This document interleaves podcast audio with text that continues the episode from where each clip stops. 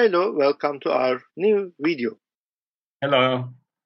In this video, we will cover section 3.2 of the standard for project management, which is create a collaborative project team environment. Yes. What is important about this principle, Mr. Izgi? As we see on the screen, project teams are made up of individuals who wield diverse skills, knowledge, and experience. Project teams that work collaboratively can accomplish a shared objective more effectively and efficiently than individuals working on their own. Projects are delivered by project teams. Project teams work within organizational and professional cultures and guidelines, often establishing their own local culture. A collaborative project team environment facilitates alignment with other organizational cultures and guidelines, individual and team learning and development, and optimal contributions to deliver desired outcomes. Projects are delivered by project teams. This is the first item in our figure. Creating a collaborative project team environment involves multiple contributing factors. Fine. What are the most important ones? They are team agreements, organizational structures, and processes, three of them. These factors support a culture that enables individuals to work together and provide synergistic effects from interactions. Can you explain the first one, which is team agreements? Team agreements are a set of behavioral parameters and working norms. They should be established by the project team. They should be upheld through individual and project team commitment. The team agreements are created at the beginning of a project. They will evolve over time as the project team continues to work together and identify norms and behaviors that are necessary in order to work together successfully. Okay, what are the organizational structures, which is the second item? Organizational structures are any arrangement or relation between the elements of project work and organizational processes. These structures can be based on roles, functions, or authority. Can you give examples? Sure. For example, definitions of roles and responsibilities. Other examples can be allocation of employees and vendors into project teams, formal committees tasked with a specific objective, standing meetings that regularly review a given topic. Okay, what are the processes, which is the third item? Project teams define processes that enable completion of tasks and work assignments.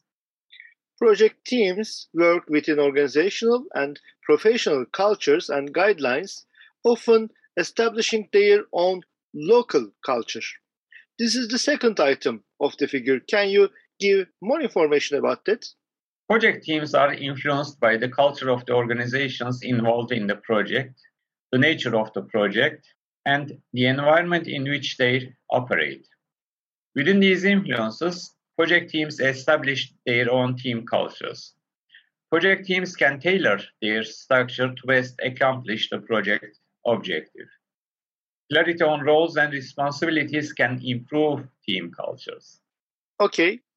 Within the project teams, specific tasks may be delegated to individuals or selected by project team members themselves. What does this include? It includes authority, accountability, and responsibility related to tasks. What is authority? It is the condition of having the right within a given context to make relevant decisions, establish or improve procedures, apply project resources, expand funds, or give approvals. Authorities conferred from one entity to another whether done explicitly or implicitly. What is accountability? It is the condition of being answerable for an outcome.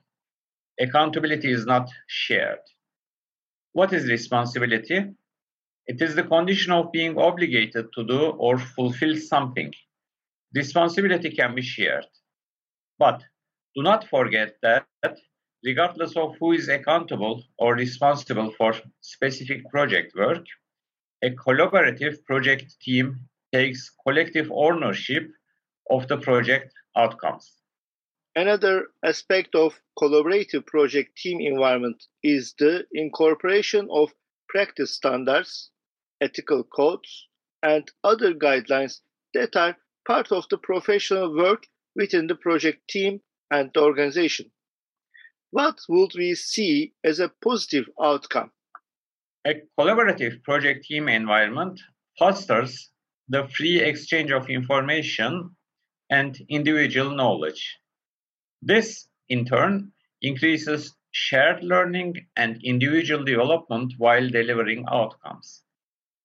A collaborative project team environment enables everyone to contribute their best efforts to deliver the desired outcomes for an organization. The organization, in turn, will benefit from deliverables and outcomes that respect and enhance its fundamental values, principles, and culture. Okay, thank you, Mr. Izgi. We have reached the end of this video. Please subscribe to our channel and like our videos. You can support us from our Patreon page. Feel free to attend our Udemy course by clicking the link shown in the description section. We will be glad if you write your comments below our videos.